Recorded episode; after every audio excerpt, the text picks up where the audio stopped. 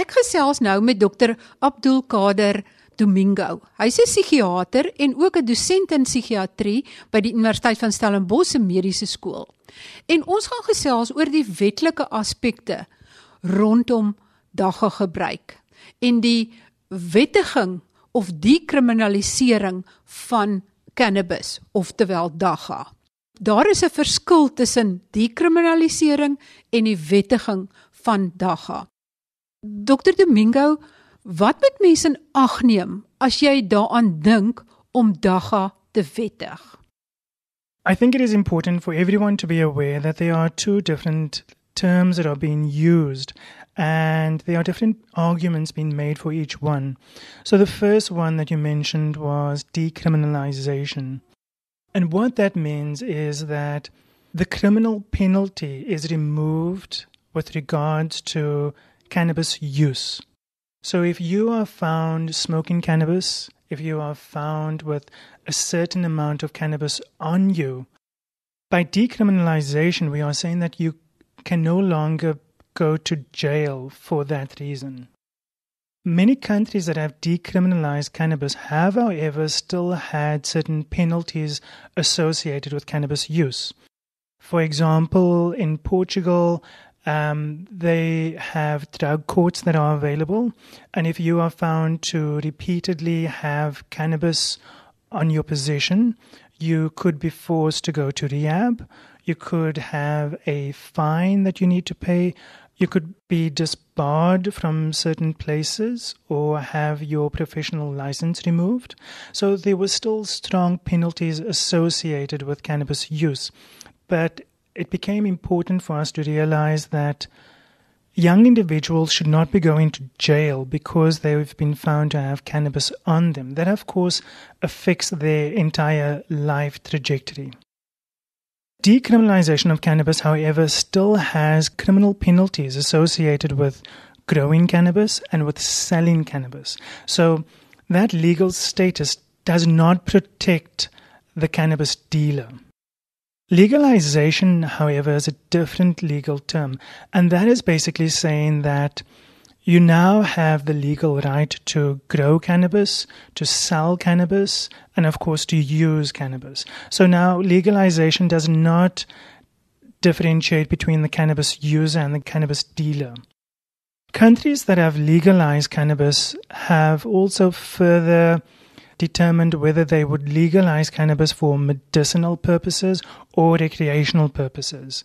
So, countries that have legalized cannabis for medicinal purposes will say that you are allowed to sell dagga for these listed conditions. And then there are certain places where you can buy cannabis or use cannabis for whatever reason. So you can see that there are now two different legal terms, and there are very specific reasons behind each one. And of course, each country has done lots of research to determine which policy they feel is best suited to their environment and their population. Daar dien nou tans 'n saak voor die grondwetlike hof waar die kliënt vra vir die wettiging van dagga. Maar kom ons kyk eers na die dekriminalisering. Wat sal dekriminalisering in Suid-Afrika beteken? Is dit iets wat julle sal voorstaan of is daar nog selfs met dit nog te veel risiko's? What we have seen over time is that despite criminal penalties being associated with substance use, including cannabis use, we've not seen decrease in the prevalence of cannabis users. So, despite having quite severe consequences associated with cannabis use, unfortunately, with time, we, we've not seen that worldwide. We've seen that there's, in fact, been an increase in the number of people using cannabis and addicted to cannabis. So, there are many people that are saying that despite these consequences, we're not quite winning this war on drugs. What we have seen in 2016 is that our Central Drug Authority has released a new position statement where they feel that we don't have enough evidence to suggest that we should allow for the legalization of cannabis, but they do feel that we should further investigate the possibility of decriminalization of cannabis. We know that when young individuals are criminalized for any offense, they have a criminal record that will follow them for the rest of their lives. So, that of course will affect their possibilities of obtaining jobs. They will have a certain stigma associated with that. And of course, going to jail and spending time in prison allows for the possibility of using other substances or perhaps joining certain gangs. But on the other hand, if we are going to decriminalize cannabis, we have to be able to offer certain resources to individuals that have been found to be addicted to cannabis.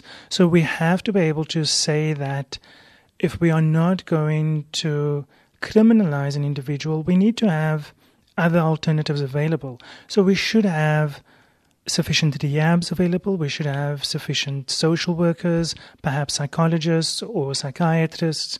We need to ensure that there are services available to which these substance users can um, be seen. Het ons dit in Suid-Afrika? Het ons daai vangnet om daardie mense te rehabiliteer of vir hulle tot hulp te wees? And that, of course, is a very difficult question to answer. What I will say is that if you look at the South African Community Epidemiological Network on Drug Use, so this is an organization that has been tasked in assessing drug users who are making use of rehabs across the countries, looking at various um, details such as demographics, age, number of substances being used, and the primary substance of abuse. What they have shown is that for individuals under the age of 20 years, during the periods of January to June 2016, the most common primary substance of abuse is, in fact, cannabis. That statistic shows us that our adolescents are especially struggling with cannabis use disorder, uh, cannabis addiction. So we would, of course, have to investigate are we at this point able to cater for this vulnerable population and their needs? And I think that that requires further investigation and requires careful planning so that any change in law must have a plan associated with it. It must have an ability to cater for any population, but of course, especially the vulnerable population of our teenagers, of our adolescents. So I think that your question that you're asking in terms of the amount of resources available, I think that that requires further investigation and it will require careful planning going forward. Maar ek kan nie dink sê maar daar word môre besluit dat hulle dag gaan dekriminaliseer. Daar is dan in elk geval 'n tekort aan psigiaters en ondersteuningspersoneel. Ek kan nie dink dat Suid-Afrika gereed gaan wees om aan hierdie mense rehabilitasie fasiliteite of personeel te verskaf nie. So we're not 100% sure that with decriminalization, will we necessarily see an increase in the number of users?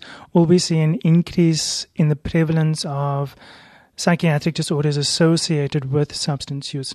It is, of course, a possibility. I think that we have to, of course, recognize that with any substance use, but especially with cannabis use disorder, we are aware of the fact that cannabis use disorder is associated with certain psychiatric pathologies and certain medical disorders as well.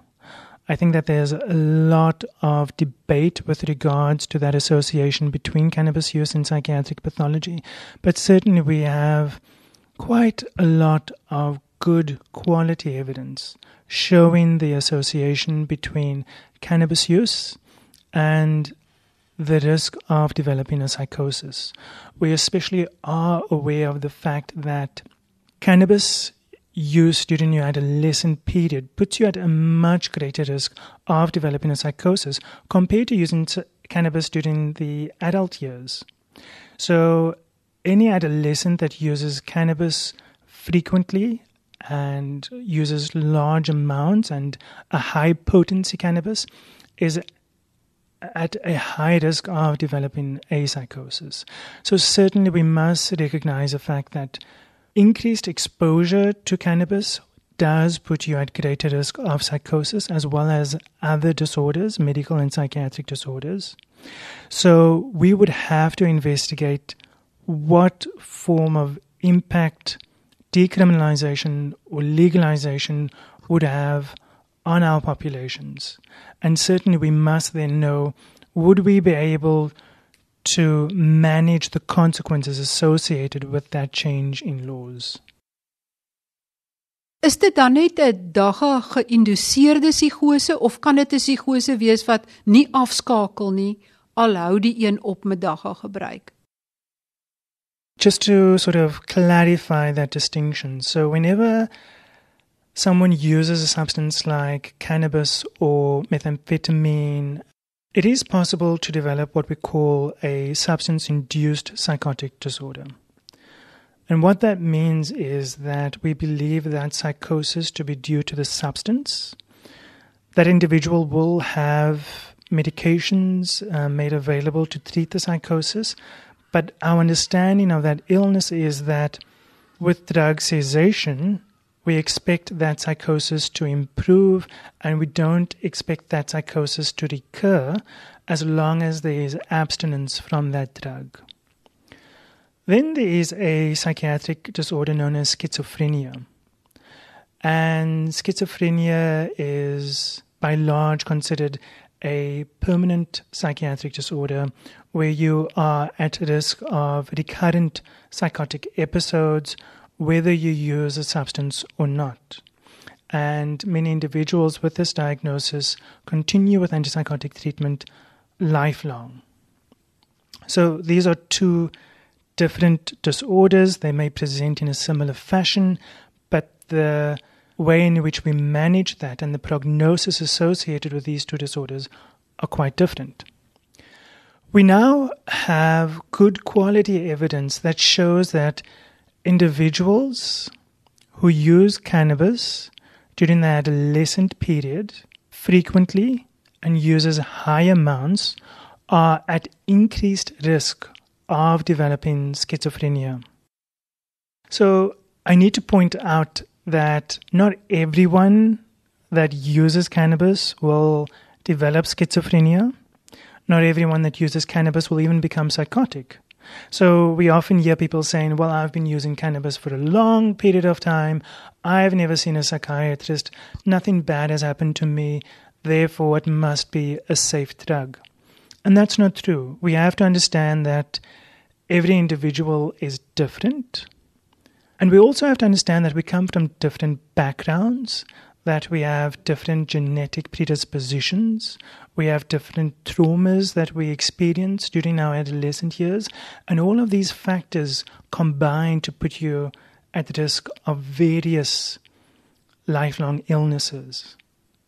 And we've had several large international studies that have shown that adolescents who frequently use cannabis in high doses and high potencies are at greater risk of developing schizophrenia, which is a lifelong disorder that is characterized by recurrent episodes of psychosis.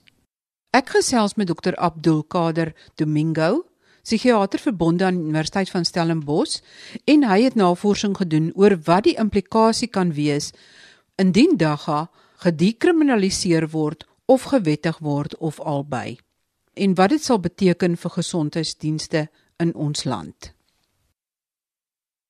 Sê maar as dagga vandag gedekriminaliseer word.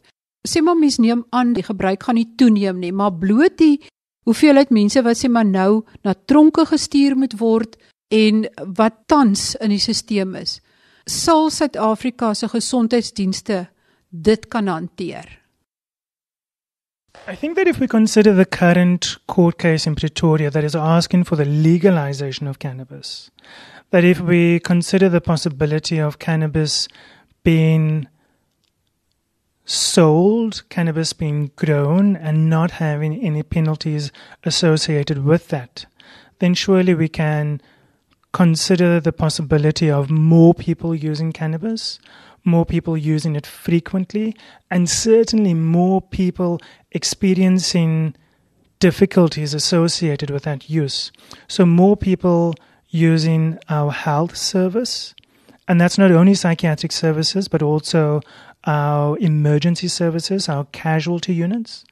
And certainly that will put an added pressure to our already, I think, struggling health system. I think that we already we are trying to cope with the high demand being placed on all of our services. So to have any added stressor or added burden will surely be difficult going forward.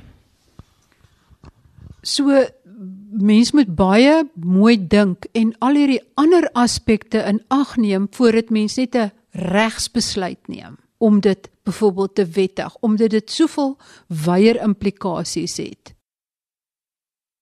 Yeah, definitely. I would agree with that statement. I think that it is always important to consider the rights of every individual in this country. But more importantly, we must consider what the potential consequences of changes in law may cause, and especially to vulnerable individuals, especially to our adolescent population that is already facing so many traumas and so many difficulties, and especially to individuals that are already prone to mental illness. So I think that while it is important for people to express themselves, I think it is more important that we consider the rights of all individuals, of the larger population, and to always ensure that we are able to protect those that are at greatest risk. Dokter, jy sê dit uit 'n oogpunt uit van iemand wat self met hierdie jong mense werk. So as jy 'n finale slotsom of alles in 'n neutedop moet opsom, sal jy sê wettiging is nie nou aangewese en Suid-Afrika sal nie dit kan hanteer nie, maar dat die kriminalisasie oorweeg kan word mits daar voldoende behandelingsprogramme en hulpprogramme in plek is.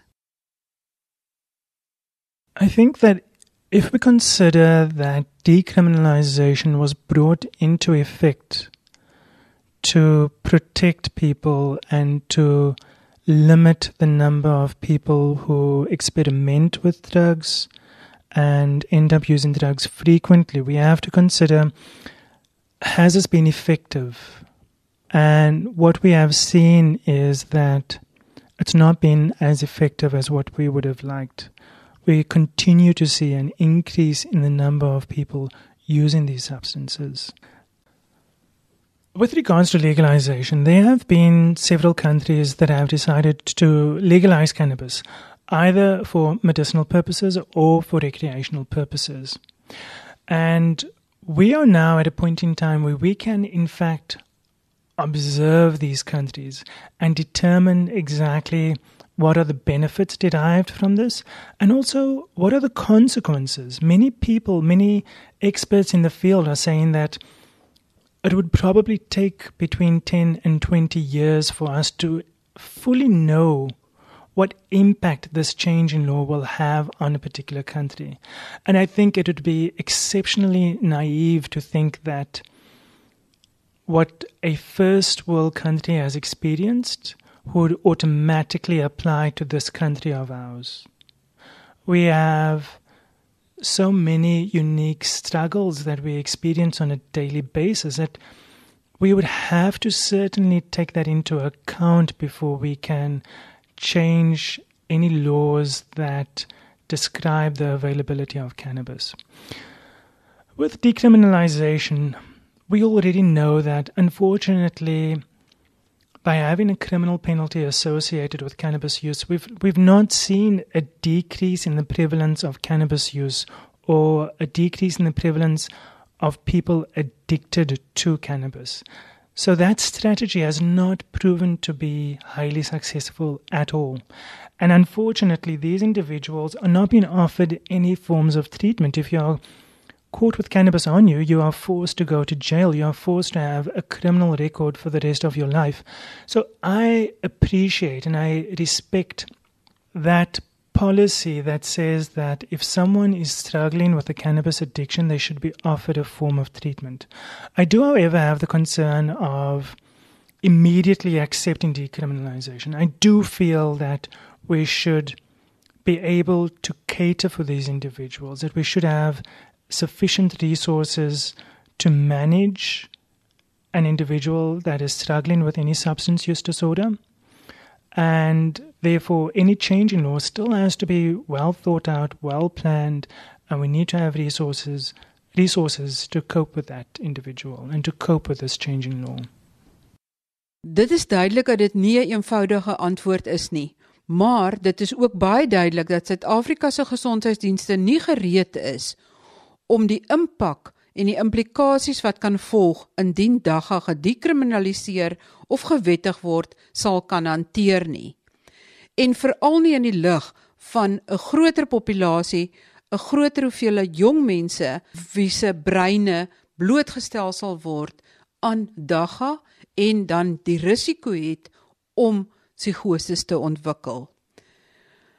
Suid-Afrika beskik nie eens oor voldoende psigiaters om in die huidige probleme wat reeds bestaan te voorsien nie. Wat nog te sê van 'n addisionele las van jong mense wie se breine nie beskerm is teen die effekte van dagga nie. Indien mense verdere vrae het oor die gebruik van dagga en medisinale dagga, ek is besig om te reël dat ek Dr. Eileen Thomas en moontlik ook Dr. Domingo in die ateljee sal kry om regstreeks vrae te beantwoord. Ek hou julle op hoogte van hierdie verwikkeling. Ons is by week 6 van ons doen dit net aksieplan. Week 6 se kopplan. Kom ons maak musiek. As 'n mens musiek luister wat dieselfde ritme en tempo het as jou oefening, kan mens selfs vergeet van jou arms en bene of van enige moegheid en toelaat dat die ritme van die musiek jou pas bepaal. Maak net doodseker dat indien jy wel na musiek deur oorfone luister, die musiek nie te hard is nie en jy steeds die straatgeluide en verkeer kan hoor en bewus is van jou omgewing. Martelies is besig om vir ons 'n paar samestellings te maak en ek is oudtyds en het sommer 'n paar van my gunstelinge op die webblad gesit. Week 6 se oefenplan is baie soos verlede week. Jy stap nou altesaam 33 minute flink en 'n totaal van 18 minute wat jy draf. En ons sien jou volgende Saterdag by die Parkrun. As jy voel jy's hierdie Saterdag al gereed, kyk op Parkrun se webblad en kyk of daar 'n Parkrun in jou omgewing is. Jou week se eetplan. Ons pak weer hierdie week iets in die geel mandjie en dit is koolhidrate. Koolhidrate oftewel stysels is nie taboe nie. Inteendeel koolhidrate is 'n belangrike bron van energie.